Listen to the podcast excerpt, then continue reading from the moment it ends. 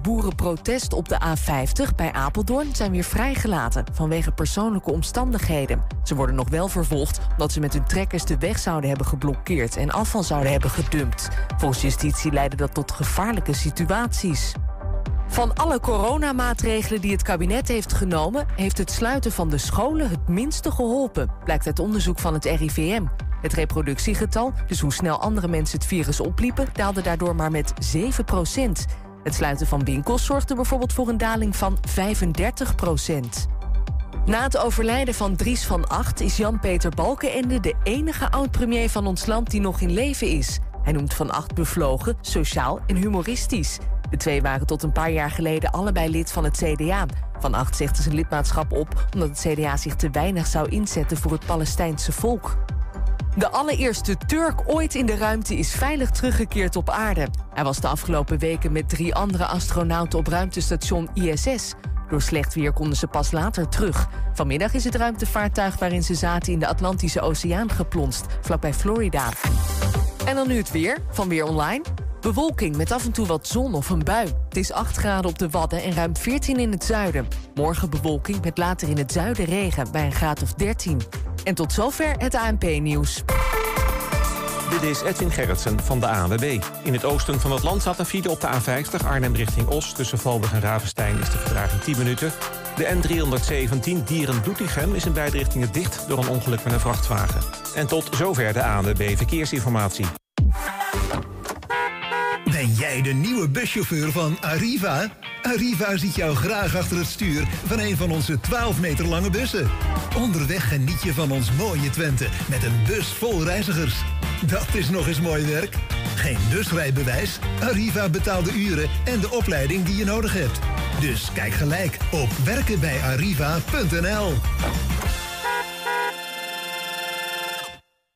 Jouw huis renoveren of verduurzamen? Twente Solutions heeft betaalbare kwaliteitsdakkapellen en kunststof kozijnen van het topmerk VK. Al meer dan 10 jaar zorgt Twente Solutions voor kwaliteitskunststof kozijnen voor de particuliere en zakelijke markt. Je vindt ons aan de Slachthuiskade 8 in Almelo. TwenteSolutions.nl Landbouwmachines krijgen een tweede leven dankzij Beverdan Machinery uit Frieseveen. De importeur en exporteur in landbouwmachines in de breedste zin van het woord. Voor in- en verkoop van landbouwmachines, reparatie en onderhoud ga je naar Beverdan Machinery. Bekijk meteen ons uitgebreide aanbod op beverdanmachinery.nl.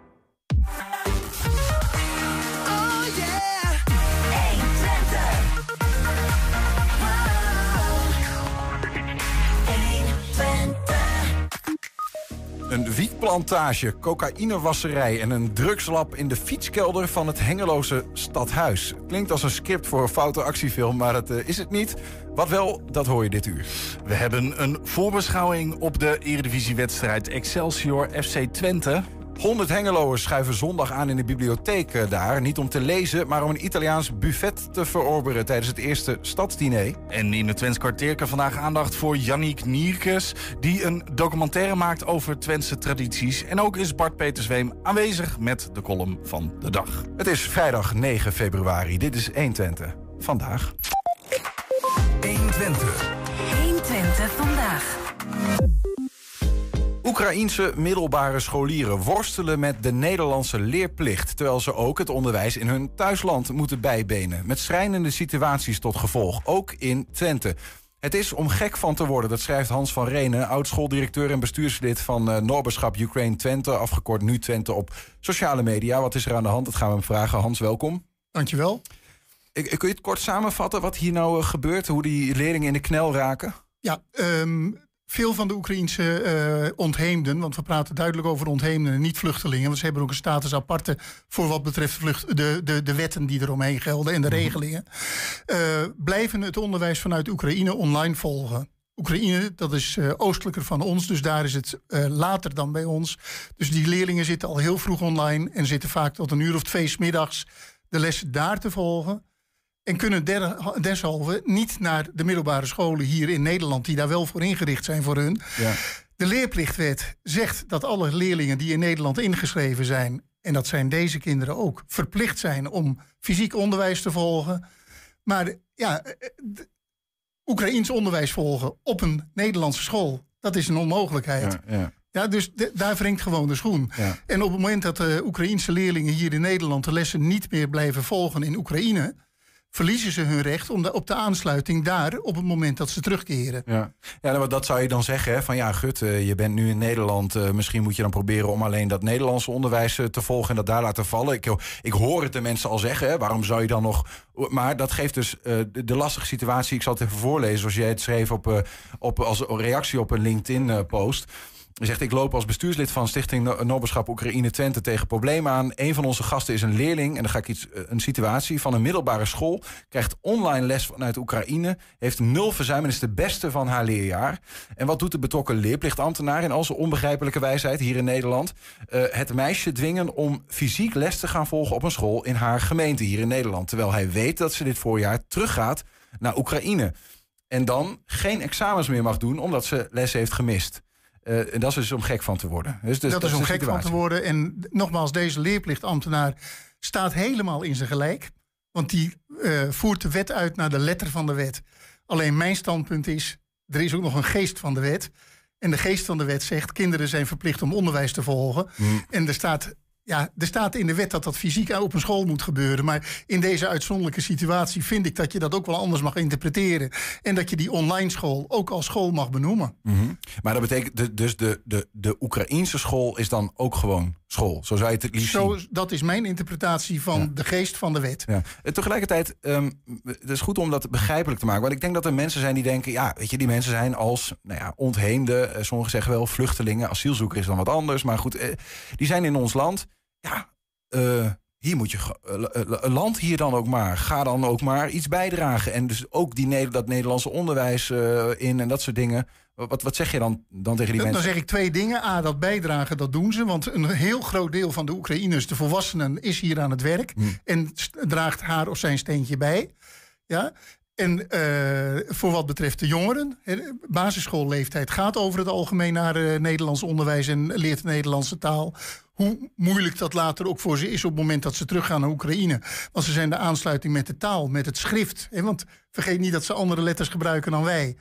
En de aansluiting met de eh, Oekraïnse cultuur kwijt. Mhm. En voor de middelbare scholieren is het eigenlijk nog veel erger. Want die raken daardoor ook nog jaren kwijt. Ja, ze mogen geen examen doen zoals we Ze mogen geen examen doen, ze mogen geen tentamens doen tussendoor.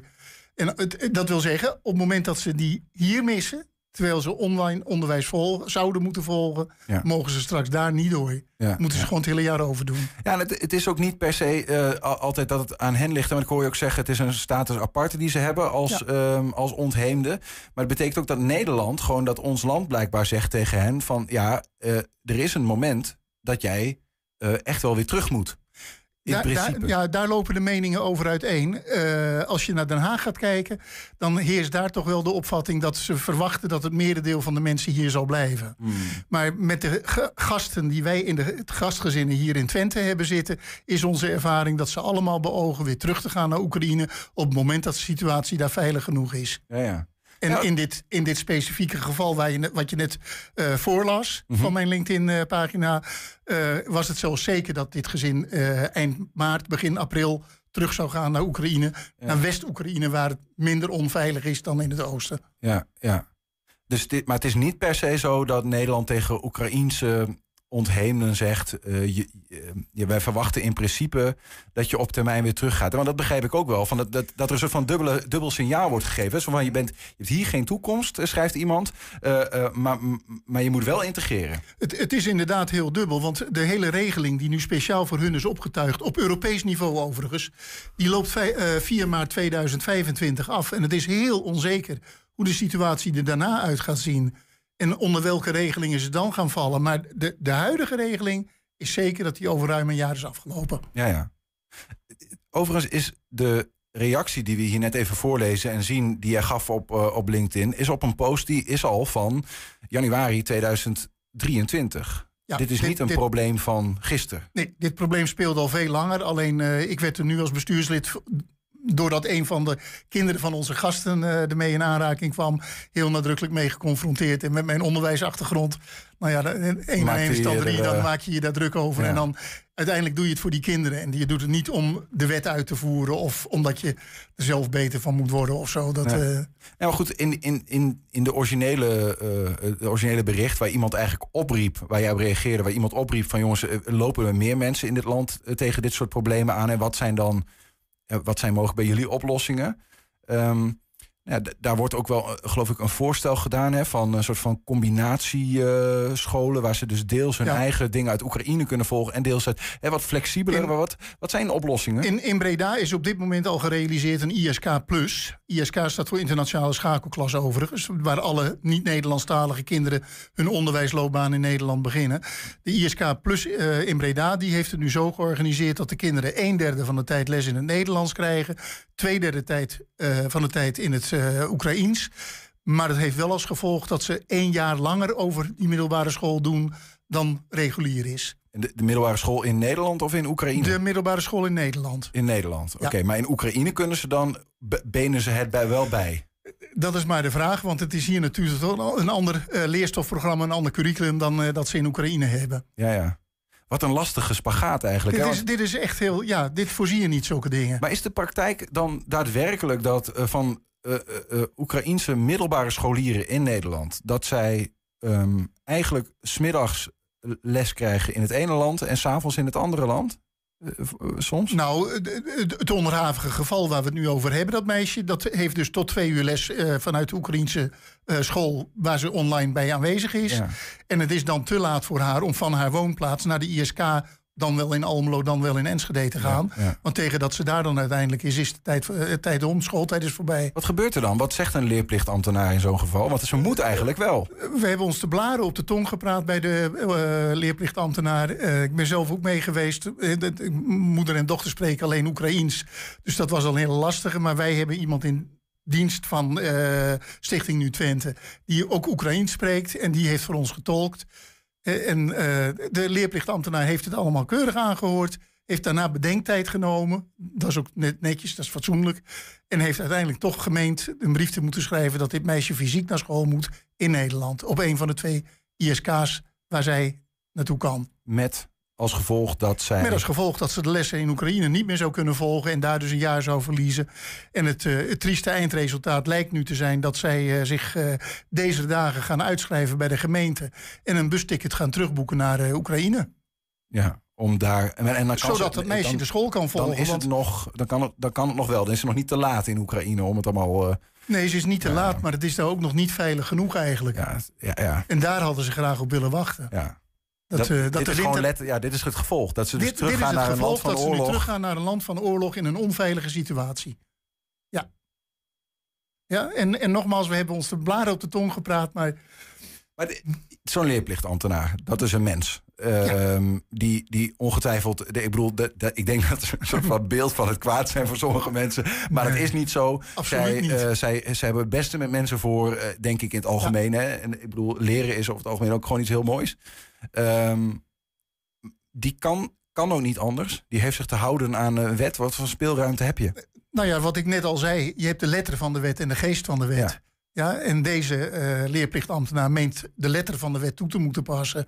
En ik heb met eh, Den Haag, eh, met het ministerie, contact gehad hierover. En die geven ook duidelijk aan dat er ja, een verschil tussen die twee bestaat. Maar dat het uiteindelijk het recht van de leerplichtambtenaar is om een beslissing te nemen. Of dan wel het een, dan wel het ander Ja. wordt gedaan. En, eh, en- Second opinion of ze zit er niet in. Zit Nou er ja, niet in. Maar even los van wat ik heb, dit specifieke geval is heel schrijnend, eh, zoals je Ja. dat nu eh, vertelt. Maar er ligt een breder probleem natuurlijk onder. Hoeveel kinderen, hoeveel jongeren gaat het eigenlijk? Heb je beeld bij? Van Nee, in- ik heb geen flauw Nee. idee. Ik, ik ken min of meer de cijfers die binnen onze eigen stichting gelden. Maar dat is niet relevant voor wat er op landelijk niveau gaande is. Maar dat dit landelijk speelt is wel duidelijk. Maar in Twente dan? In Twe- wij hebben op dit moment nog ongeveer 200 gasten. En ik denk dat een derde daarvan toch zeker schoolgaand is. Ja. Maar de, de, de 200 gasten bedoel je dus die Oekraïense mensen die in gastgezinnen wonen, eh, die Ja. bij Nu, nu Ja, dat zijn de gasten. Dat zijn dus ongeveer 60 eh, jongeren al waarvan je weet. Zeker, zo, dat die zo rond dat zitten. aantal. Daar kun je wel van uitgaan. Ja. Ja. Ja. Wa- Wat kun je in bredere zin ehm, ja, in deze regio Twente, wat is een landelijk probleem? Wat, wat, wat kun je? Zitten jullie daar nog een beetje aan te trekken aan, aan Ja, ja, ja, ja, zeker wel. Eh, we, we hebben goede contacten bij de veiligheidsregio Twente. Dus daar hebben we het ook aan hangen gemaakt. Zodat het ook eh gemeentebreed, gemeentusbreed bekend wordt. Ja, en wat ik net al zei, ik heb ook met Den Haag eh, contact opgenomen. En nou ja, daar wordt ook echt wel moeite gedaan nu om daar nou ja, een oplossing te vinden. Maar het blijft schipperen. Ja. En zolang in Den Haag de opvatting overheerst dat deze mensen gaan blijven, Ja. wil men dat deze kinderen Nederlands gaan leren. En dat vind ik ook begrijpelijk, want dat doen we bij de asielzoekers ook. Hè, Op het moment dat ze willen inburgeren, hoort daar ook het Nederlands bij. Ja. Ja, ik moet even de- denken, we moeten eigenlijk afsluiten, maar ik moet even denken aan een, eh, wat ik ooit hoorde van een, ehm, een tweede generatie of derde generatie Marokkaanse gastarbeider. Die vertelde, heel vaak begrijpen mensen niet waarom spreken die oudere mensen, die eerste generatie, nog steeds geen Nederlands. En ze zei, ja, mijn vader, was het denk ik toen de tijd, Ja.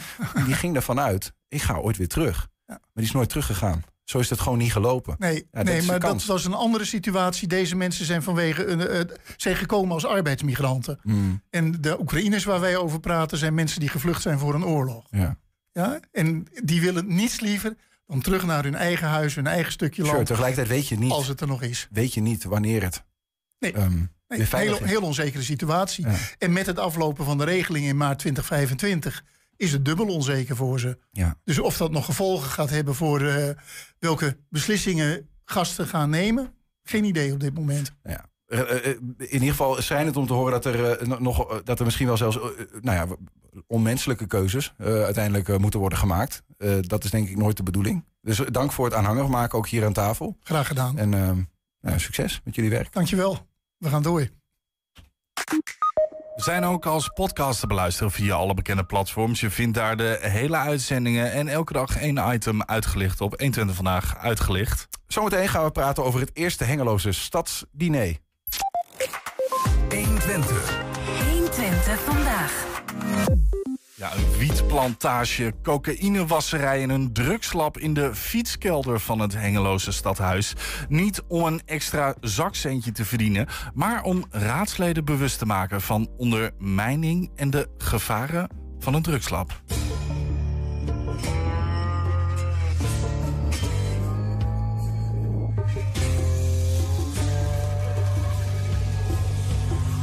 koken ze met caustic soda. Dat zijn die grote witte zakken die je hier ziet. En ik vind het altijd belangrijk dat je die een keer gezien hebt. Want kom je nou ergens op huisbezoek of kom je misschien wel ergens op een terrein. En ze hebben allemaal We gaan alle raadsleden eigenlijk heel eh, nabij laten zien... wat betekent dat nou ondermijning? We zijn hier in de fietsenkelder waarbij we eh, de politie eh, heeft laten zien... een hennenplantage. Hoe ziet dat eruit? Hoe gaan die mensen te werk? Waar zitten de gevaren? En ja, beelden zeggen meer dan duizend woorden. En dat gaan we vanavond laten zien. Vervolgens komt er ook, eh, nou ja, ook een zogenaamde pubquiz. Maar daar gaan we laten zien wat houdt ondermijning in... En nou ja, op die manier, beeldend, spelend, laten we echt zien wat ondermijning betekent voor een samenleving. Die cocaïne, zeg maar, dat is in Colombia rond de 1800 euro waard voor een kilo. En hier in Nederland zit je snel tussen de 18 en de 20.000 euro. Eh, Ik heb veel geleerd, ja, absoluut. Het is, eh, ja, we hebben een rondleiding gehad door, de, voor, door een hennepplantage, synthetische drugs. En eh, ja, heel veel dingen, je hoort wel eens wat, maar heel veel dingen die je nog niet wist. En, eh, waardoor je nu misschien wat sneller door hebt van, goh, dit zijn signalen eh, waar ik op moet letten. Of ah ja, als ik signalen hoor van andere mensen, van, goh, misschien is er wat aan de hand. En het was heel interessant om eh, te zien hoe, of om te horen hoe de onderwereld eigenlijk eh, zich kan vermengen met de bovenwereld. En hoe je dan eh, ja, ja, beïnvloed kunt worden of, eh, of dat soort zaken. Ja, was, ik vond het leuk. Ik denk, en ik denk heel veel andere mensen. Ja, omdat je misschien zou zeggen het is van de politie, het is van een ander. Nee, het is van ons allemaal. De filosoof Cruijff zegt eh, eh, daarover ook... je gaat het pas zien als je het doorhebt. Ook vanavond aan iedereen. Als je dat ziet, dat signaal, daar kun je ook iets anders bij bedenken. En heel veel mensen zeggen dan... oh ja, dat ken ik wel. Of daar heb ik altijd mijn vragen over. Nou, die, dat doordenken over de signalen die je krijgt... je gaat het pas zien als je het doorhebt. En dat is na vanavond hopelijk ook nog veel meer aan de orde. Vaak het logo in is, zou je mooi wapen van Hengelo er mooi in kunnen drukken. Heb je toch we ervan, eh, Wij geven eigenlijk voorlichting over het woord ondermijning. En dat doen we door de ondermijningsset mee te nemen. En dan laten we eigenlijk zien hoe vanuit de drugswereld het geld verdiend wordt. eh, en dat wordt witgewassen. Maar ook hoe je heel praktisch signalen kunt herkennen bij hennepkwekerijen, synthetische drugslabs en cocaïnewasserijen. Je hebt natuurlijk bij drugslabs natuurlijk te, te, maken met explosiegevaar, brandgevaar, maar ook zuren die er, zijn, die er hangen. maar je kunt ook denken aan de werkzame stoffen bijvoorbeeld die aanwezig zijn in zo'n lab. Dus als je vermoedt dat het eventueel een, een drugslab zou zijn, is al in ieder geval de belangrijkste reden om niet naar binnen toe te gaan. En dat is ook wat u de, de raadsleden heeft meegegeven? Nou, vandaag hebben we vooral voor de raadsleden laten zien in welke wereld speelt zich dit nu af. Welke vormen van criminaliteit kun je daarin herkennen en hoe zie je die signalen bijvoorbeeld. En heel praktisch gemaakt door bijvoorbeeld ook de geuren te laten ruiken. Dat ze ook weten welke geuren bijvoorbeeld bij welke criminaliteit horen. We zijn op de goede weg in de zin dat we altijd al een hele veilige gemeente eh, zijn. Maar het kost alsmaar meer energie om een veilige gemeente te blijven. En uh, daarin moeten we eigenlijk alle krachten uh, bundelen. Want alleen de politie, alleen de Belastingdienst, alleen de brand, noem het maar op. Alleen kunnen we dat niet meer. Je moet dat echt samen doen. 120. 120 vandaag. Ja, eten tussen de boeken. Luisterend eh, naar muziek, inspirerende verhalen en naar elkaar. Dat is de insteek van het eerste Hengeloze Stadsdiner komende zondag in de plaatselijke bibliotheek. Vier Hengeloze instellingen slaan de handen uh, ineen. Daarvoor aan tafel twee daarvan. Dat is Ingeborg Wind. Uh, ze is niet die instelling, maar ze is wel van die instelling, de bibliotheek. Hengelo. of, of, misschien moet ik wel zeggen bibliotheek Twente, dat weet ik niet. en Hanneke Mentink van de stichting Bernards Ontmoeting, ook welkom. Um, ja, Ingeborg, begin maar bij jou. Als ik zou gaan dineren, zou een bibliotheek niet de eerste plek zijn waar ik, waar ik aan denk. Niet? Nou, nee, ja, ja, per se. Ja. Vloeken in deze kerk of niet? Maar, ja, nee. Het is best wel een aparte combinatie, toch? of niet? Op zich wel. Het is, nou ja, goed. We hebben natuurlijk wel een heel fijn lunchcafé. Dus eten in de piep is in die zin sowieso uh, tegenwoordig al natuurlijk niet meer helemaal vreemd. Mm -hmm. Maar dit, dat wij dit nu zo doen, is wel uh, lang geleden dat er op deze manier gegeten is in de piep. Ja, ja, ja. Overigens, je zat hier, nou, een half jaar geleden, denk ja, ik. Nou, denk ik, zoiets. Ongeveer om te praten over een nieuw initiatief. Nieuwsgierig Hengelo, waar overigens ook de ontmoeting uh, bij betrokken was. Als ik mij goed herinner, gaat dat over... we willen polarisatie in de stad tegengaan, verbinden, dat soort dingen. Is dit een uitvloeisel uit ja, deze... eigenlijk is dit een eerste activiteit daarvan. Ja, ja, ja.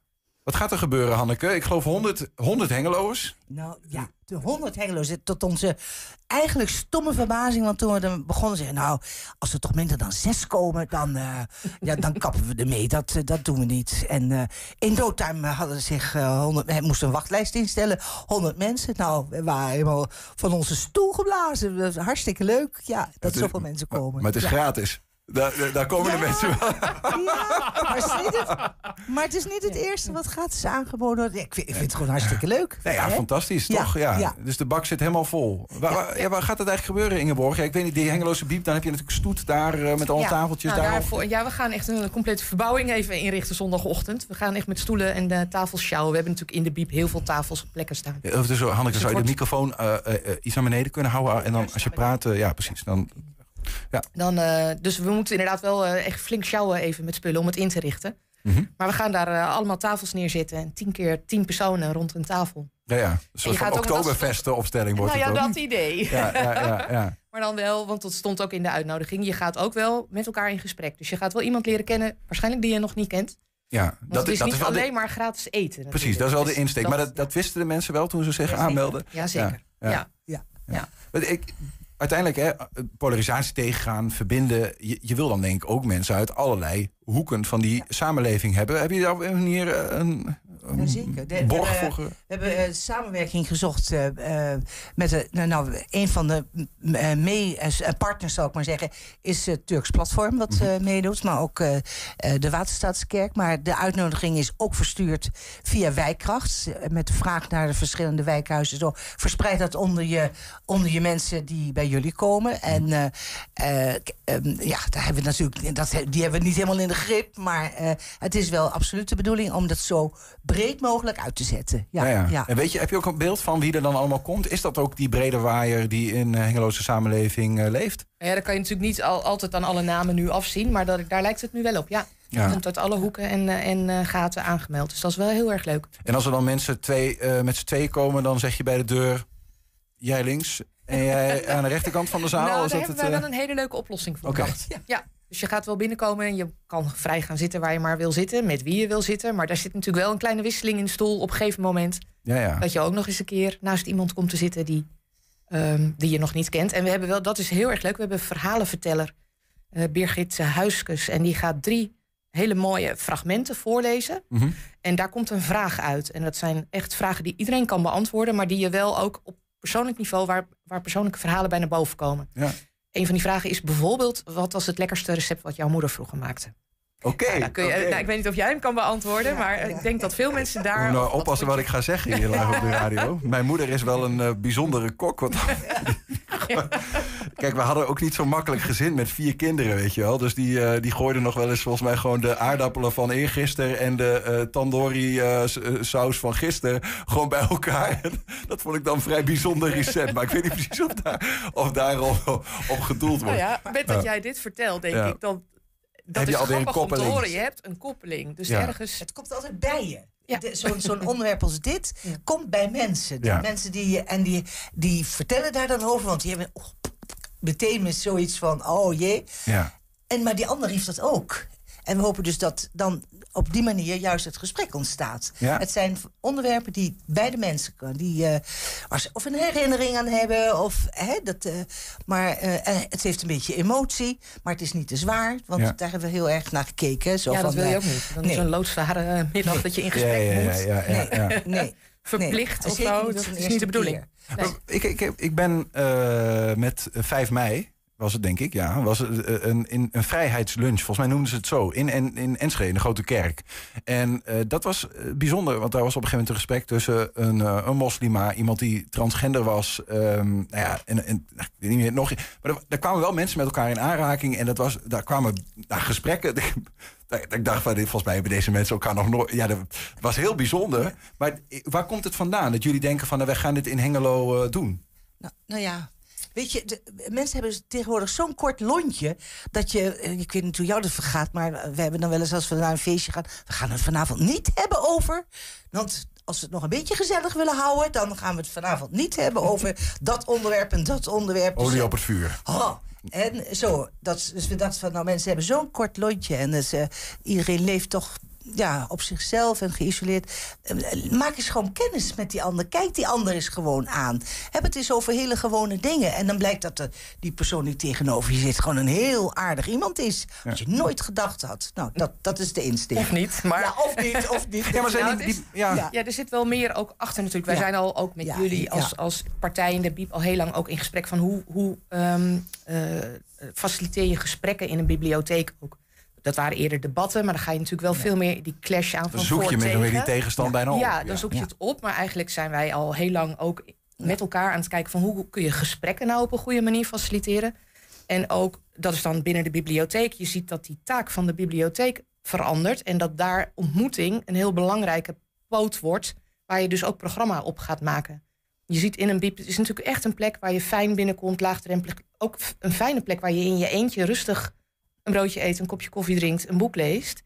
Ehm, en nou ja, gelukkig wordt dat tegenwoordig ook echt gewaardeerd, ook vanuit het Rijk. En ook, weet je, je ziet dat de Biep een belangrijke plek is, waar je eigenlijk heel mooi met dat soort dingen ja, connecties kan maken. Een, Dus een, logische huiskamer, Ja. om het zo te zeggen. Ja. Zo functioneert hij ook Ja. echt, vind ik zelf hoor. Ja, als, als absoluut. huiskamer. Ja, en als, als, vind ik ook. ja, in die Ja. zin. Ik heb huis vroeger in de bibliotheek gewerkt in Enschede. Maar ik woon in Hengelo. En, Ja. en als je dan zo weer binnenkomt, is het echt een huiskamer. Is echt eh, ja, prettig. Prettig Ja. om te zijn. Ja. Nou, en dineren in een huiskamer is toch echt heel normaal. Dat klinkt heel logisch. Nee, dat klopt. Eh, maar goed, je kunt, daar, je kunt een idee hebben. Hè? Eh, je, je vertelde al even een beetje verrast van... ah, die honderd mensen die stonden zo op de stoep bij van. Eh, wie, wie zijn die mensen die, die dan meedoen? Zijn dat mensen die meedoen toch omdat... Ja, nou ja, ook wel gewoon een gratis diner? Of, zijn het, of ze- leeft deze nou ja, misschien wel zorg of hang naar verbinding... breder onder mensen? En gaan ze echt daarom... Ja, weet, dat weet ik eigenlijk wel. Een aantal mensen die, die ik op de lijst zag staan, dacht ik van nou, die komen, die komen hè, om de reden waar, die jij nou net noemt. Zo van, we, we, we komen gewoon om die verbinding aan te gaan. Ja, Ja. ja, ja. Ik ga het eh, vragen ook zondag aan mensen. Ik, want je weet Ja. dat natuurlijk van tevoren ook niet. Hè? Nee. Maar Nee. ik denk dat is ook een mooie kans om eens in gesprek te gaan. Ja. Van waarom en wat trek je dan aan en hoe. In het echt Hoe blijkt het dat vaak allemaal wel eh, mee te vallen. Hè? Ten opzichte van de online eh, Ja. dingen die je online ziet. Dat Ja. is mijn ervaring althans. Ja. Ehm, maar goed, dan, dan nog, ben wel benieuwd. Je, hebt eh 80.000 hengeloers. Eh, daar zitten straks al 100 hengeloers in die zaal. Tenminste, ik neem aan dat het alleen voor hengeloers eh, Ja, in is. principe, principe wel. In principe wel. Ja. Eh, hoe hoop je dan dat dat... ehm, als een soort van vuurtje doorgaat? Want ja, alleen die 100, dat is dan ook een beetje een druppel op een gloeiende plaat. Of mag ik dat zo niet noemen? Ja, wel. En dat is natuurlijk ook gewoon realistisch. Maar tegelijkertijd denk ik, wij zijn sowieso met elkaar. eh, eh, weet je wat, je doet alweer meer activiteiten. Je- er komt alweer iets anders uit. Je leert elkaar kennen. Ik vond het zelf heel leuk, ook die samenwerking met de Waterstaatskerk en ook met het Turks Platform waren voor mij ook weer nieuwe personen. Ja, die Dus twee andere ja, partners. Twee hè? andere Ja. partners die meedoen. Dus je, je leert elkaar kennen. En, en dat vonden we onderling eigenlijk ook heel erg leuk en plezierig werken. Dus je, weet je, het wil niet zeggen dat je per se weer dit gaat herhalen. Maar je gaat ook weer daarin nieuwe dingen ontdekken en doen. Dus ik, eh, ja, daar kijk ik gewoon naar uit. En tegelijkertijd is het ook wel zo dat je nou, nu nog niet van tevoren al precies weet... nou, we gaan dan dat doen en dan dat en dan dat. maar dat willen we wel het gaat een beetje zo van- groeien. Kijk, we, de, de, we kunnen, wij, de nu organiserende partijen, kunnen dat opnieuw dingen weer organiseren. Maar we willen ook absoluut uitstralen van. Als jullie een leuk idee hebben. Precies. oh. Het is niet alleen maar wij. Ja, ja. Hè, dus als, er een, eh, binnen, eh, als er een groep is die zegt van goh, we, maar kom de volgende keer dan bij ons. En dat zullen we dus zeker uitstralen. En dat gebeurt ook al een beetje. Dat ze, eh, eh, vanuit het Turks platform ook al gereageerd werd. Zo van uh, iftarmaaltijd of zoiets. Een, een, hè, dus, eh, nou, dan zou het ook leuk zijn als ze allemaal bij ons zouden komen. Ja. Nou ja, eh, Ja. Dat is natuurlijk toch wel... Het begint weer ergens. Ja. Gaat dus in principe nieuwsgierig Hengelo begint dan wel langzaam zijn eh, vruchten af te werpen. Want is het dan, moet ik het zo, eh, jullie zitten al met, met die organisaties eh, nou ja, in dat ehm, netwerkverband, of hoe je het wil zeggen, in ieder geval in het initiatief. Ja, die maar andere het is niet dat we elke de- keer alleen met elkaar... Dus Nee, dat, is, dat ligt open. Ja, dus ja. Daar, daar kunnen we met elkaar andere dingen ook in doen. Wat zijn nog andere concrete dingen, Ingeborg, die daaruit uit ontstaan? Dus ja, ik bedoel, die, die afspraken die je nu net, hè, de, de gesprekken die je hebt, maar zijn er ook al concrete acties vanuit dat initiatief? Nou, we zijn nu ook aan het kijken, maar dat, dat is echt nog wat verder weg. We hebben straks van de zomer ook weer dat Hart van Zuid festival. Dan kun je daar ook vanuit de BIEB nog iets in doen. Eh, er zijn andere initiatieven. Ja, dat nieuwsgierig is binnen de BIEB sowieso een ding. Nog los van nieuwsgierig Hengelo. Gaan we ook kunstenaars uitnodigen die op de vloer echt meekijken naar hoe kun je nou in dat gebouw ook op een leuke manier contact tussen mensen en een praatje stimuleren. Ja. Dus daar betrekken we ook echt kunstenaars bij. Dus er zijn al allerlei dingetjes die spelen. Wat je nu nog niet zo ziet, maar die, Ja, aan, de, die al wel eh, aan het beginnen zijn daar. Dus er gaat nog, nog van alles gebeuren. Kijk, en eh, als we dan tot slot even nog weer terug inzoomen op eh, het stadsdiner. Eh, ik begrijp dat in Utrecht is dat behoorlijk uit de hand gelopen. Vier plekken in de stad waar ze met elkaar eten, ja. gezamenlijk. En je kunt ook nog eens voor jezelf allerlei ingrediëntenpakketten halen... om bij je familie dan eenzelfde soort diner te houden. Is dit, ehm, ligt het in het verschiet voor Hengelo of zijn jullie Nou, niet zo mee nou, bezig? Hengelo is geen Utrecht, dus nou, eh, laten we het verlopen. Nou, wij, nou, zoals we er nu al tegenaan kijken, is zo van... wij, wij organiseren het nu met deze partijen... maar wel met de uitstraling van dat het ook op allerlei andere plekken kan. Tenminste, Ja. hè, Ja. zo hebben we niet het per se in de uitgesproken. Nee. Nee. mag in de bib, hoeft niet Hoeft in de niet. bib. Ja, ja. Hoeft Kan niet ook Maar dat faciliteren jullie nu nog niet? Dat Nee. je zegt Nee, van kom maar het wel uit. Ja, Ja, dus van, Ja. Dat is wel de intentie om het, eh, om het, eh, om het eh, een- als een olievlek te laten verspreiden. Ja. Om het niet eenmalig te laten zijn, laat Ja, ik het zo zeggen. precies. Ja. Ja. It's coming back. En dan volgend jaar ook jaarlijks terugkerend dit? Ja, we gaan zien. We knows? gaan eerst even, even eerst even kijken. Ja, precies. Dat is ook, ook wel en dan verstandig. zien we wel wat Ja. daar weer... Maar wij, dat wij een zin en energie hebben om daar iets mee te doen... is wel helder. Ingeborg Wind en Hanneke Ment, ik dank jullie wel. Veel plezier zondag. Ja, dankjewel. Ja. 120. 120 vandaag. Ja, FC Twente neemt het in de 21ste speelronde van de Eredivisie op tegen nummer 14 Excelsior Rotterdam. De club uit Kralingen mag zich een angstgekner van de ploeg uit Enschede noemen. De laatste keer dat FC Twente de, met de zegen naar huis ging was in 2012. Jozef, voordat we naar de aankomende wedstrijd gaan, 3-0 eh, gewonnen tegen je oude club. Eh, hoe was die wedstrijd? Eh, de uitslag was prettig. Ik moet eerlijk zeggen dat ik de eerste helft niet zo goed van ons vond. Ehm, zowel in het verdedigen niet als in het aanvallen niet. Uiteindelijk wel er, eh, eh, voor rust natuurlijk voorkomen. En na rust, eh, en met name eh, ja, door de wissels, hebben, vind ik de wedstrijd helemaal naar ons toegetrokken. En uiteindelijk eh, wel dik verdiend eh, gewonnen met 3-0. Ja, Boadu komt erin, heeft direct een grote impact. Kan hij binnenkort ook vanaf het begin spelen? Want ik moet heel eerlijk zeggen, ik vond Van Wolfswinkel heel goed spelen. Hoe, hoe ga je met dat luxe probleem nu om? Nou, allereerst, eh voor je stelt me een vraag en je geeft wel ook een beetje een antwoord, hè. Maar, eh, nee, ja, weet je, Myron die, die moet worden opgebouwd, hè. Die heeft natuurlijk een hele tijd en niet gespeeld. Maar goed, uiteindelijk heeft wel natuurlijk enorme voorwaarden. Maar ik vind ook mooi dat je terugkomt op Ricky. Ricky is, is voor ons belangrijk al het hele jaar. Eh, eh, heel vaak gingen we met hem eindigen en nu start hij. Dus wat dat betreft kijken we dat sowieso altijd van wedstrijd naar wedstrijd. Maar Ricky doet het prima en eh, eh, eh, de concurrentie is, eh, is groot bij ons. En eh, dat is ook mooi, want uiteindelijk dan kunnen we ook eh, ja, op naar onze ambitie. Ja, is hij ook de, de perfecte leermeester eigenlijk om Boadu een beetje wegwijs te maken? Een jonge jongen toch? Ja, nou goed, is natuurlijk wel een jonge jongen... maar die heeft natuurlijk wel al wat ervaring bij AZ. Hè. Die weet eh, wat het is om, om de prijzen te voetballen. Die heeft natuurlijk een enorme stap gemaakt naar, naar het buitenland. Dus eh, ondanks dat hij jong is, is, is ja, heeft hij wel ervaring.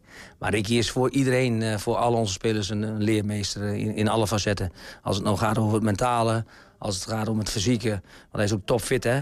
Eh, of als het gaat om, eh, om, om, om het tactische gedeelte. En met name natuurlijk in het druk zetten is hij gewoon heel erg belangrijk. Maar met name voor zijn goals, hè. Want eh Ricky heeft een, een goed eh, statistiek. Dus wat dat, dat betreft zijn we heel blij. En ik denk dat Ricky...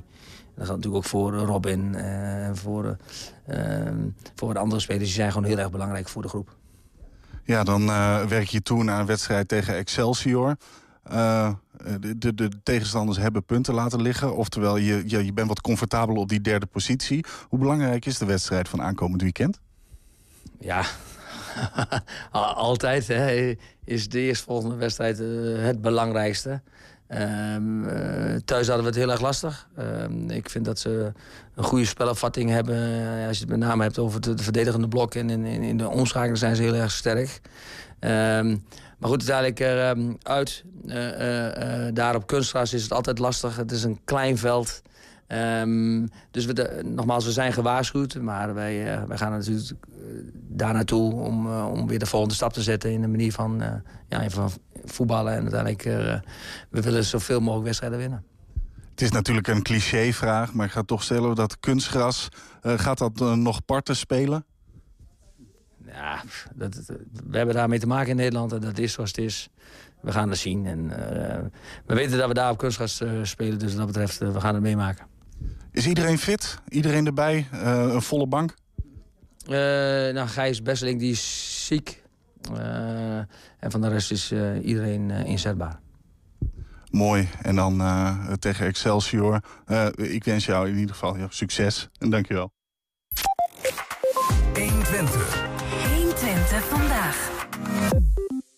Niels, Julian.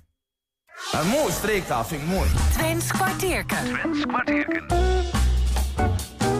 Als Herman Vinkers spreekt, dan gaat de, de, de Twentse taal weer eh lus.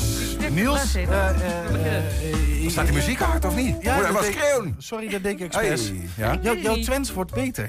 En weet Oh. jij, jij maakt die switch. Normaal gesproken was dat vrij ruw. Mm. Maar, maar ik vind dat het steeds beter wordt. En dat hebben we het op de redactie ook over. Aber natuurlijk. Ja, Ja. een Ja. pluim voor jou. Ja, dankjewel. Eh, het- duurt even, maar daar heb je ook wat, zouden ze zeggen bij mij op de basisschool. Ja, wie bent er nog niet helemaal? Je maar bent er nog niet helemaal, met, het Hallo, ik ben hem aan het ophemelen. Doe even nou, gewoon ook een Ja, geen ik Eh. Oké, ik Adrie, welkom terug. Ja. We gaan eh, naar Twents kwartier en wij leren daarin van jou eh, de Twentse taal... aan de hand van een mooie taalquiz en zo. En eh, dat hangen we op aan een onderwerp. Komt allemaal straks. Eerst even opfrissen van vorige week. Wat hebben wij van Mm. u geleerd? Nou, vorige week hou eh, het woord verklommeren.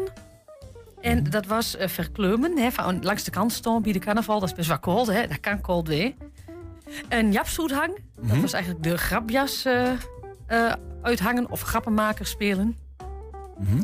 En kleiwerk, dat was een moeilijk karweitje of moeilijk werk. Ja, lekker klein. Klein, ja, en ik had ook Klein, hè, maar dat is En we dus hadden nog een woord van de week. Dat was moos en dat is eh, boerenkool. Roep me op de moos. Ja, dat wat, dat, dat, dat kende iedereen wel, toch? Ja, dat ik. moet... Nee, ja. Nee. Nee? In de video In dus niet. Maar in Enschede dat niet, is dat is het probleem. Nee. Ja, ja, ja, nou ja. Je Eh, wilt we gaan, de hè? Ja, dat is het. Dat is het. We gaan zo weer kijken, kijken wat ze van het, van het woord van deze week werd.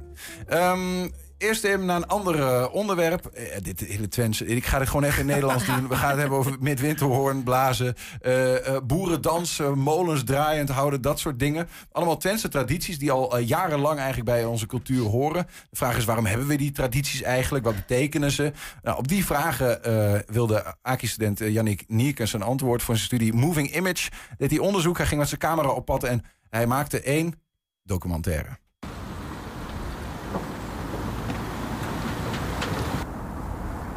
Want ja, wie van mijn leeftijd doet dit nou eigenlijk?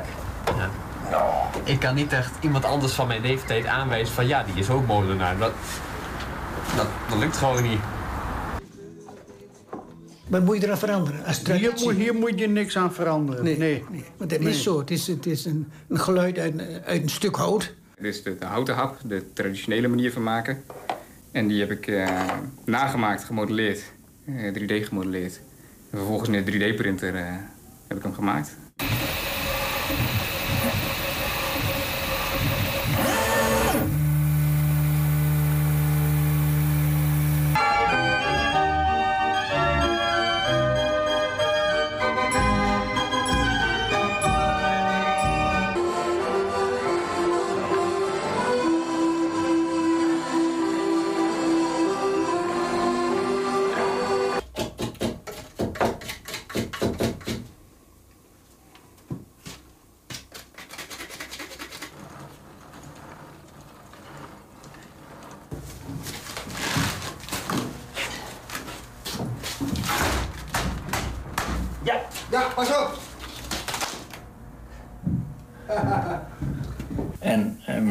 Dat de toekomst zegt van wat, eh, ja, jammer dat het weg is. Nou ja, jammer dan.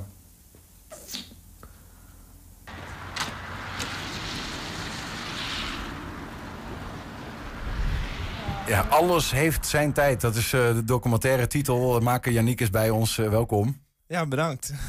Eh, jouw afstudeerproject, is dat, ge- beetje ge- is dat gelukt? Ben je afgestudeerd of mogen je al feliciteren? Nou, dit is de, de helft van mijn afstuderen, zeg maar. Oké, dus moet eh, nog het is nog niet zo ver. Nee, nee Halverwege. Ja, nou, het ziet er in ieder geval leuk uit. Het- het- Je brengt allerlei Twentse tradities eh, in beeld. Eh, Die titel, Alles heeft zijn tijd. Ja. Hoe kom je daar zo bij? Nou, eh, het, het zit in de documentaire. Op een gegeven moment eh, werden die eh, wijze woorden gezegd door iemand eh, van de Oudheidkamer Twente. Door Jan Morsink. En, eh, en ja, toen, toen ik dat hoorde, toen dacht ik van... eh, ja, dit past eigenlijk perfect bij mijn documentaire. Want? Nou, ho- hoe die het zei was... eh, alles heeft zijn tijd. Er is geen heden zonder verleden. En ja, hij, hij liet de woorden ook even... Nadat hij het zei, was er even een stilte. En ja, het, ook toen het op mij begon in te werken... dacht ik van ja, dit, ja, hi- dit klinkt heel logisch. En ja, het is ook wel belangrijk, denk ik, eh, om erin te hebben. En dan uiteindelijk is het de titel geworden daardoor. Alles heeft zijn tijd. Er is geen heden zonder verleden. Ja. Wat betekent dat wat jou betreft dan? Nou, dat zel- zelfs al lijken tradities misschien iets wat eh, tegenwoordig niet meer nodig heeft. Het heeft vaak geen functie meer. Het is toch heel belangrijk, denk ik. Eh, de cultuur. eh, ja, die is heel belangrijk. En ook gewoon het samenkomen met mensen. En ja, het heeft denk ik, zelfs al is de functie verloren, het heeft alsnog, is het heel belangrijk om het te behouden. Toch zie ik voornamelijk in de beelden die ik net heb gezien... mensen die op een zeker moment in de tijd... het tijdelijke voor het eeuwige gaan inwisselen. Oftewel, die zeg maar wat ouder zijn. En eh, nou ja, zullen verdwijnen. Is dat een eh, probleem voor die mensen? Dat, eh, nou ja, goed, bij de draaiorgel zie- horen we het hem zeggen eigenlijk. Van ja, als er niemand is die het overpakt, dan is dat zo. Ja, ja, dit is zeker wel een, een probleem bij de tradities. En dat, dat is ook wat ik wilde onderzoeken. En uiteindelijk ben ik er wel achter gekomen dat per traditie verandert het. Bijvoorbeeld eh, in Oldenzaal met het met windhoorn blazen is er ook een heel eh, grote groep jeugd die het nog wel beoefent. Maar inderdaad, bij sommige tradities zitten wel echt ja, de laatste paar personen die het nog levend houden, die wel echt druk op zoek zijn naar een opvolger. Ja, ja. Ja, dus het, het wisselt wel per traditie. Maar ik denk dat hoort er ook wel bij. Bij sommige tradities, ja, die, die gaan op een gegeven moment ook. En zo ontstaan ook op een gegeven moment nieuwe tradities. Dus ja, eh, zo, zo gaat het ook eenmaal. Adrie, eh, heb jij eh, een traditie waar je je aan vastklampt alsof het eh, je leven is? Oh, wat ik zelf doe, dat niet. Maar de midwinterhoorn, als ik dat niet gehoord heb, dan ben ik ongelukkig. Oh, ja? Aan het eind van het jaar. Ja, nee, ik vond het speciaal voor uh, dat moet. Ik moet daar dus eh, een beetje, ja, ik moest de afgelopen jaar wel weer om grinniken, weet je wel. Dan hoor je hem weer op een moment in de tijd en dan denk ik, dus, er zijn weer een stelletje gekken die met zo'n toeter ergens staan, staan te blazen. Als, als het bij rond de kerst is, dan eh, kun je het hier buiten heel veel Ja, ja, horen, zeker. bij ons in het Ja. pand. Ik vind het eigenlijk een van de mooiste dingen om te horen. Maar dat Ja? heeft natuurlijk, ja, dat was vroeger natuurlijk de functie van, dat was een soort alarm, hè? Door, het is al heel oud. Het is al Alarm is over het algemeen niet, niet, Nee, niet goed nee, nee, nee, dat weet ik wel. Maar het is al zo oud. Het is echt al voor de kerstending. eh geboekt. Eh, Nee, maar wat doet het dan? Want jij bent blijkbaar iemand die dan zegt van, hey, die dat daarmee eens Ja. is. Dit, moet, dit, is, dit hoort bij me. Nou, dat dit denk ik ook niet voort. Ik, ik weet het niet. Het heeft ook te maken met de omgeving, met de. Nou ja, de, ja ik weet het niet. Nee, maar is het, is het iets van, want dat begrijp ik wel. Als je, als je, dus, als je dat eh, doet en je doet het jaar aan jaar aan Ja. jaar aan jaar, dan voelt het als van, yes, we zijn er nog. Ja. We doen het nog. Ja. Is dat het, Yannick? Wat heb je geproefd bij die mensen? Waarom Ja, ze dat doen? Want zelf ben ik heel erg geïnteresseerd ook in het archief. En eh, ik vind het ook wel interessant wat er wordt opgeschreven. Maar ik heb wel echt gemerkt bij tradities dat het echt ja, iets is dat, dat gedaan moet worden. Om, om het echt te kunnen voelen wat een traditie is. Hmm. Eh, We zouden allemaal een keer op zo'n midwinterhoorn moeten blaren. ja, nou, ik, ik heb het zelf geprobeerd. eh, onsuccesvol. Maar ik, ik, ik zou het zeker wel op een gegeven moment eh, ja, nog een keer willen proberen om het misschien eh, om een beter Ja, ben jij warm geworden van een van die, van die tradities die... Want we even een paar die we voorbij hebben zien komen net. Hè? Draaiorgel, eh, we hebben een midwinterhoorn, zag ik. Een, een molenaar gewoon. Een goorstok. Eh, goorstok eh, snijden. Eh, mis ik er En de dansgroep. De eh, dansgroep, ja, traditionele ja. dans. Ja, dat, dat zijn ze allemaal. Ja, Ja. vijf tradities. Heb eh. jij van een van die tradities gedacht... Nou, dit, dit kan ik wel eh, overnemen of eh, ging het zover niet? Nou, ik heb wel geprobeerd een beetje de afstand ook te houden. Want ik een merk- veilig antwoord, hè, dit? Ja, ja want eh, eh, ik merk ook, ah, ja, ik denk eh, bij, bij iedereen was inderdaad wel de vraag van, ja, wanneer kom je nou met windhoorn blazen? Wanneer kom je nou? En uiteindelijk om een documentaire te maken moet je ook een zekere afstand hebben. Maar Ja. eh, ja, ik, ik, ik denk dat ik inderdaad nog wel even de afstand nog hou. Maar, Maar hoe komt het nou dat... dat want eh, ehm, we hadden hier laatst ook eh, de, de Oekraïense dansgroep Rusalka uit, Hengelo. Uit Hengelo. Nou, dat is ook een traditionele Oekraïense dans nota bene. Nou, volgens mij zag ik de Krekkel uit Enschede, klopt dat? Ja. Nou, dat is de traditionele Enschedese dansgroep, zeg maar. Daar zit een groep mensen die, die gaat dat doen. En sommigen raken eraan verslingerd. Wat jij ook zegt, als je het gedaan hebt, dan voel je hoe het is. En tegelijkertijd is er een hele groep jonge mensen, zoals jij en ik ook een beetje... eh, die zeg maar denkt, ja, eh, wel mooi, maar die niet die stap maken om mee te gaan doen. Omdat je dan denkt, ja, dat is wel een beetje too far, zeg maar. Ja, ja, maar ik denk dat, laat ik ook wel in de documentaire zien, dat sommige tradities nu ook een beetje met hun tijd meegaan. Bijvoorbeeld met die met Winterhoorn, de 3D eh, geprinte happen die worden gemaakt. Ja. En dat zijn wel dingen waarvan, ja, eh, als jongeren erbij komen, zie je wel dat ze dit soort initiatieven nemen van oké, we moeten het een beetje wel veranderen om het ook voor, voor ons jongeren leuk te maken. En ja, dan krijg je een beetje die strijd binnen de traditie ook. En ja, ik denk dat dat zelf ook een heel goede strijd is, juist om die traditie ook aantrekkelijk dan weer voor meer jongeren te maken. Hoe, eh, eh, dit, dit- is een vrij grote vraag, maar ik bedoel het meer van hoe wordt iets een traditie? Is dat ook echt iets wat, wat het volk eh, collectief moet accepteren? Of kun je eigenlijk nu ook bij de jonge Twentenaren de dingen die zij doen ook al een traditie noemen? Ja, dit is een heel goede vraag die ik mezelf ook een paar keer heb gesteld. Eh, ja, ik denk gewoon uiteindelijk als, als je een groep enthousiastelingen hebt die iets doen eh, en er zijn meer mensen die erbij komen, ja, dan wordt het uiteindelijk wel gewoon een traditie. Eh, ik denk hier een goed voorbeeld in Enschede. Je hebt Gochbot.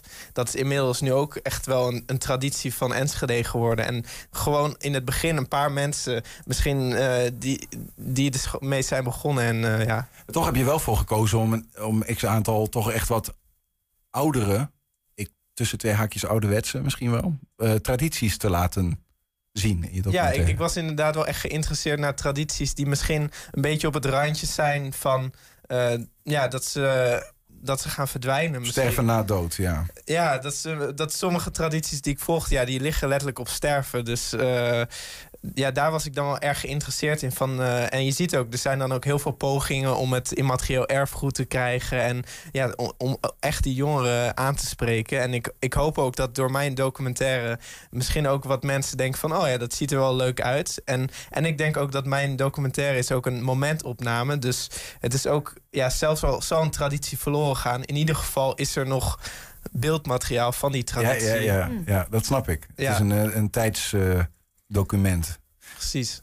Eh, lukt dat een beetje? Heb jij reacties van jongeren die, die de documentaire hebben gezien of iets dergelijks? Nou, ik probeer nu nog een beetje een goede plek te vinden om de documentaire te laten zien. Dus eh, als iemand ook luistert die denkt... eh, We hebben oh ja, een televisiezender. Ja, nou, Ehm, als we hem mogen uitzenden, dan ja dat, ik zou het graag daar inderdaad... praten wij daar straks even over, over verder. Ja. Dat is natuurlijk wel, als het gaat over Twentse tradities en, en 1 Twente, dan kunnen we niet achterblijven natuurlijk. Ehm, maar goed, eh, eh, misschien om dit gesprek even af te ronden voordat we naar de taalquiz, naar onze woordenquiz gaan. Want we gaan natuurlijk Twentse taal leren, ook aan de hand van dit thema. Eh Yannick, ben, jij, ben je blij met hoe het zelf, met je resultaat, zeg maar? Hoe, hoe kijk je naar je, naar je product? Ja, ik, ik, ik ben wel heel blij hoe het uiteindelijk eh, hoe het eruit is gekomen. En ik ben ook wel heel benieuwd, want ik heb het tot nu toe vooral aan mensen ook eh, uit Twente laten zien. Maar ik ben ook juist heel erg benieuwd hoe reageren mensen er nou op die, die totaal niks te maken hebben met Twente. Of misschien Ja. niet eens met Nederland. En, en, en dan dit soort tradities zien. Dat lijkt me ook wel heel interessant. eh. Ja, dus bij deze een oproep aan iedereen buiten Twente. Kijk naar 1 Twente als die documentaire binnenkort Of ergens anders. Waar, waar kunnen we hem zien? Ik ben nog een beetje aan het kijken wat een goed platform ervoor gaat We zijn. staan nog niet op YouTube of iets dergelijks. Nee, nog niet. Oké, oké. Nee. Nou, houden we in de gaten. Eh Yannick Nierkens, moet je maar gewoon even googlen. hè, met een Y. A-N-N-I-C. Dan vind je hem vast. Ja. Ehm, leuk. Yannick, doe je nog even mee met onze quiz? Ja, graag. Ja, Wat ik- leuk. Ik, ik ben benieuwd. Ik heb tijdens het eh, documentaire maken ook een beetje eh, Twents kunnen horen. Dus eh, Nee. hopelijk... eh, Je komt hier niet weg? Waar kom je vandaan? Ik kom uit Deventer. Eh, Oké, dus op zich Oh, wel... dat is eh, nog niet zo wiet weg. Ja. Nog niet zo wie weg. We gaan gauw eh, beginnen, dan is het niet goud. Fort, hè? Ja, Niet precies. fort. Ja. Ehm, nou, het eerste woord, dat is zwonk. Ja. Ja, dat bedoel ik maar. Z-W-O-O-N-K. Is dat A? is dat A? Is dat zweet? Mhm. Is dat B? Stilletjes? Mhm. Of is dat C? In beweging of beweging? Zwonk. Zwonk. Zweet, stilletjes of beweging. Zwonk klinkt wel als zweet. Een soort van, ja, het klinkt een beetje als... eh, nou, je hebt allemaal van die woorden hè, die dan eh, met zw... en dan komt er iets achter en dan is dat zwee. Zw staat voor zweet. Dus ik ga voor... ehm maar zweet zweet heeft niks met het onderwerp te maken. Ja, je- je maar ik ga wel voor zweet. Ik ga, Bloed, ik ga zweet voor, en tranen ik om het in, in ere te houden. ik ga voor zweet. Eh, ik ga voor beweging. Ja. Ik Yannick? ga ook voor beweging. En waarom dan, Yannick?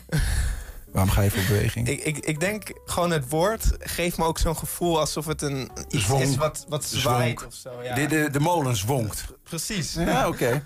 Adrie. Niels, ja. ehm, ik moet u eerlijk eh, zeggen, ik moet u teleurstellen. Vorige week ging het heel goed, maar nu hij, eh, hij het niet gehoord. Het is, eh, het is C, dus eh, Julian en eh Janik, die hebt het gehoord. Het is beweging, snelle beweging, weet je, van de zwoen. Oh, de zwonk, ja, de tuurlijk, zwoen ja. erin houden. Woord Zwoen. twee. Nou, het tweede woord. Uh, Meldenvleugel. Mhm, de meldenvleugel, ja. Dit klinkt als een drankje. Ik heb wel, ik, ja, zeker, maar ik heb wel een beeld als ik dit zo eh Een zie. meldenvleugel, is dat een molenwiek? Ehm, is dat een volksdans? Ja. Of is dat eh, C? Is dat een mollenklem? Dit is voor mij een no-brainer. En als het niet Ja? goed is, dit, dan... is, dit is een molenwiek. Ja, toch? Ja, dat, dat kan toch niet anders? Ja. Ja, oké. Nee, Adrie, deze ga je ons niet... eh, we gaan allemaal voor A. Nou, jullie hebben Molenwiek. gelijk. Ja, jullie hebben gelijk. Oh, fijn. Deze dat- was, oh, aardig was te makkelijk, dus. Muntje. makkelijk dus. Maar wel een prachtig woord ook weer. Ja. Even voor de luisteraar. Dat is met twee O's met een omlaut erop. hè? Ja. Prachtig. Mooi, hè? Woord drie. Eh, het derde woord, dat is naar ondoon. Hm? En is dat eh, A, naar oud gebruik? Ja. Is dat B, eh, pensionering? Of is dat eh, C, iets wegbrengen naar de stad brengen, naar, oude, naar de oude troep, weet je wel? Hup. Dat oorlog hoort, wie door het voort.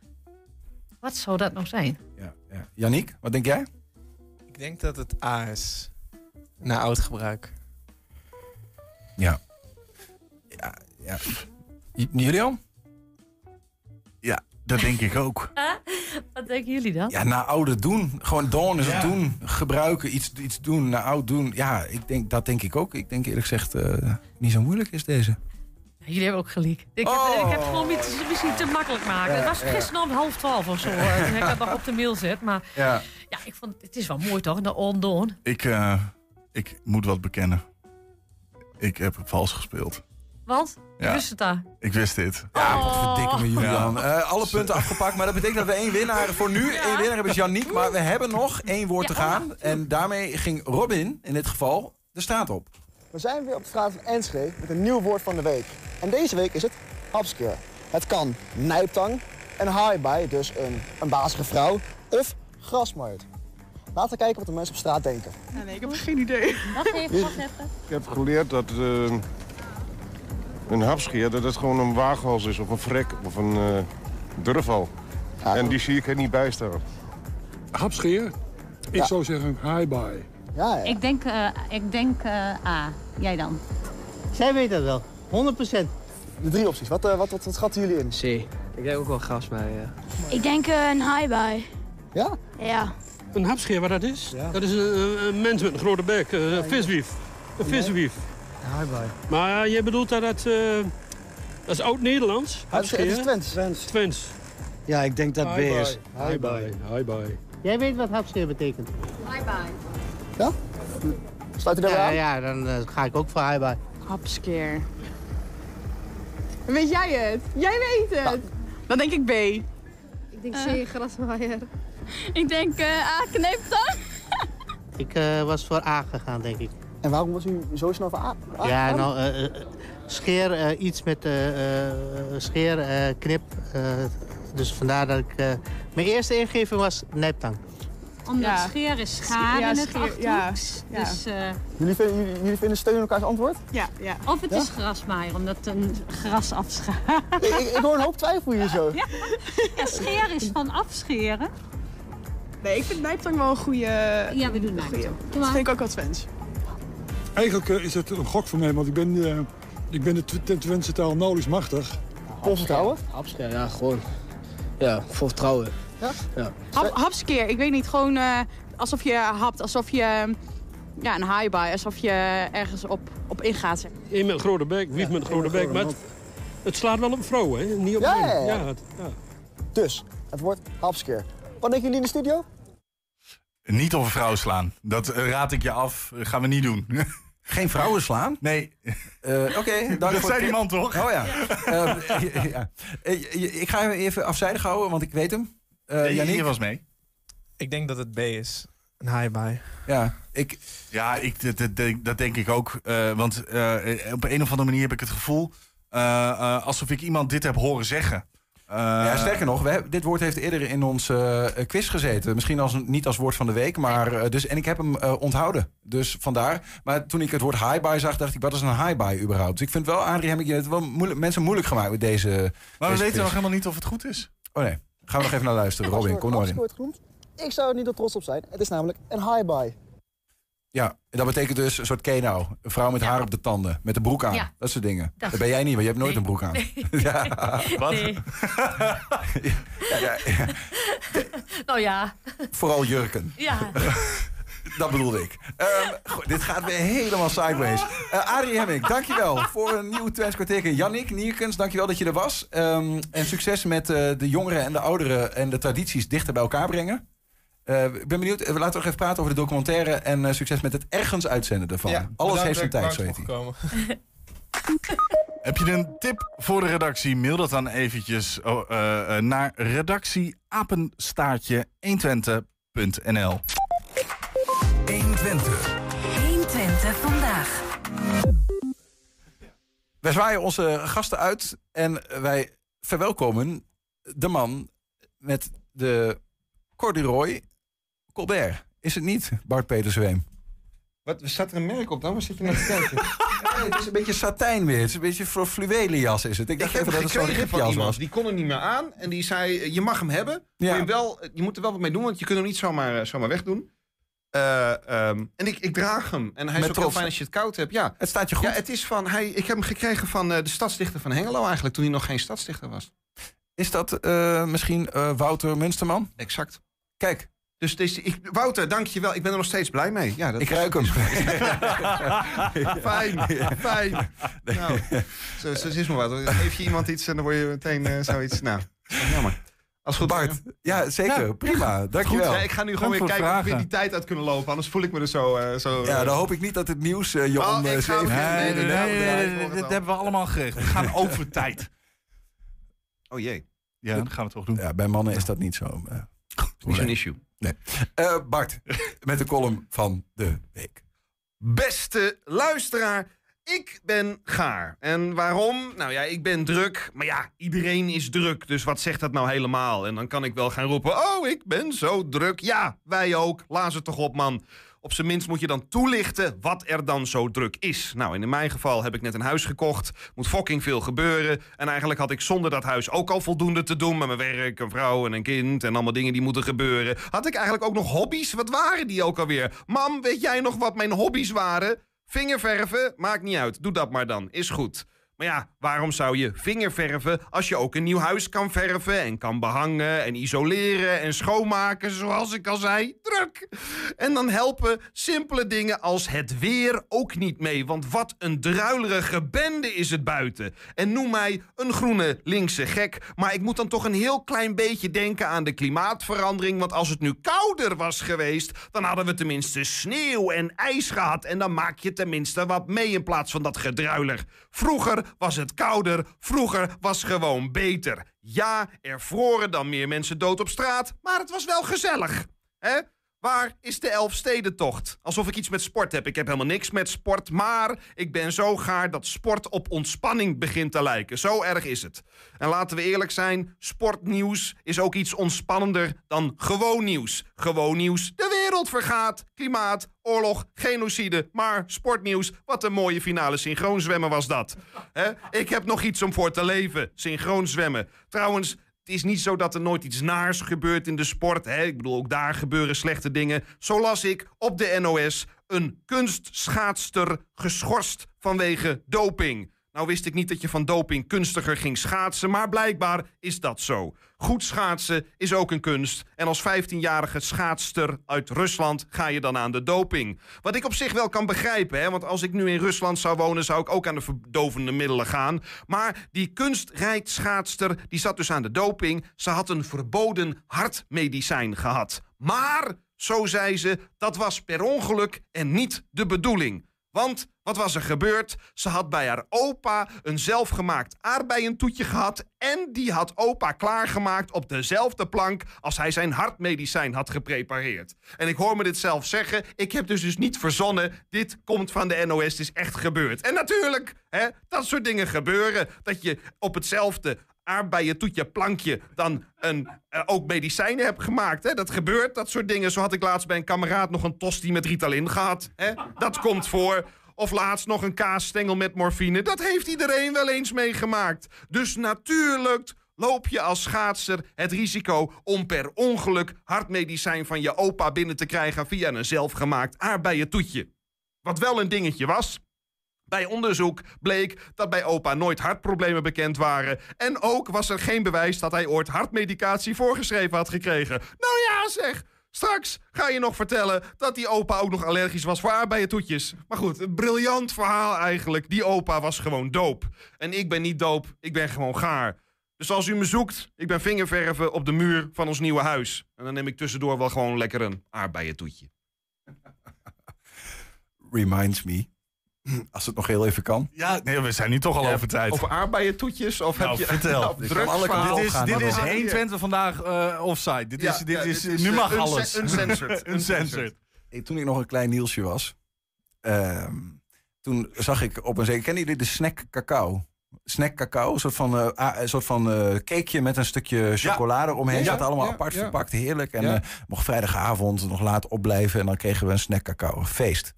En ik kom de woonkamer eh, binnengetrippeld met mijn eh, pyjamaatje aan en ik zie daar op de grond een stukje snack cacao. Ik denk heerlijk, dat is Oh, iets voor nee. mij. Ik pak hem op, stop hem in mijn mond. Stront. Stof. Oh. Stof, stof. Nee, Ik dacht dat je naar stront ging. Ik- ik, ik, dacht een hashcakeje of zo, een hasje of een ding. ja, ik wel, nee. zo'n spacecake. Maar... Zo, voor- zover ik mijn ouders kende, waren ze daar nog niet aan. Oh, nee, eh, maar ja. nou ja, goed, het was een desillusie van de bovenste plank. Gelukkig geen eh, hartmedicatie, dat scheelt dan wel weer. Maar je ging wel hard. ik ging vooral huilen toen. ja, dat, het is altijd als je vliegen binnenkrijgt als je over een... Oh, eh, de- oh, de-. En wat hebben we ervan geleerd? Eh, alles wat op de grond ligt is, Is vies. vies. ja. Veel plezier en fijn weekend. ja, dit mochten we niet doen. We moeten langer Ja, afkondiging. we moeten, we moeten langer. Hè? 1 Twente. Weet wat er speelt in Twente. Met nu het nieuws van 5 uur. Goedemiddag, ik ben Elin Stil.